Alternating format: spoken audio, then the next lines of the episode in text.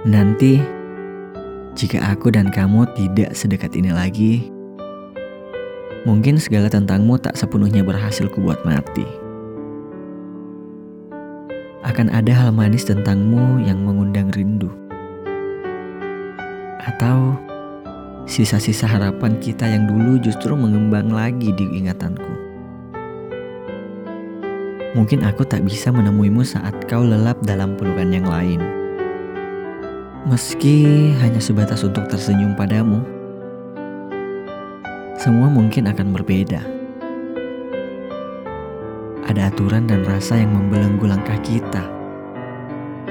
Akan bersalah jika kita kembali menembus batas dan menoreh luka menganga pada ikatan yang seharusnya dijaga.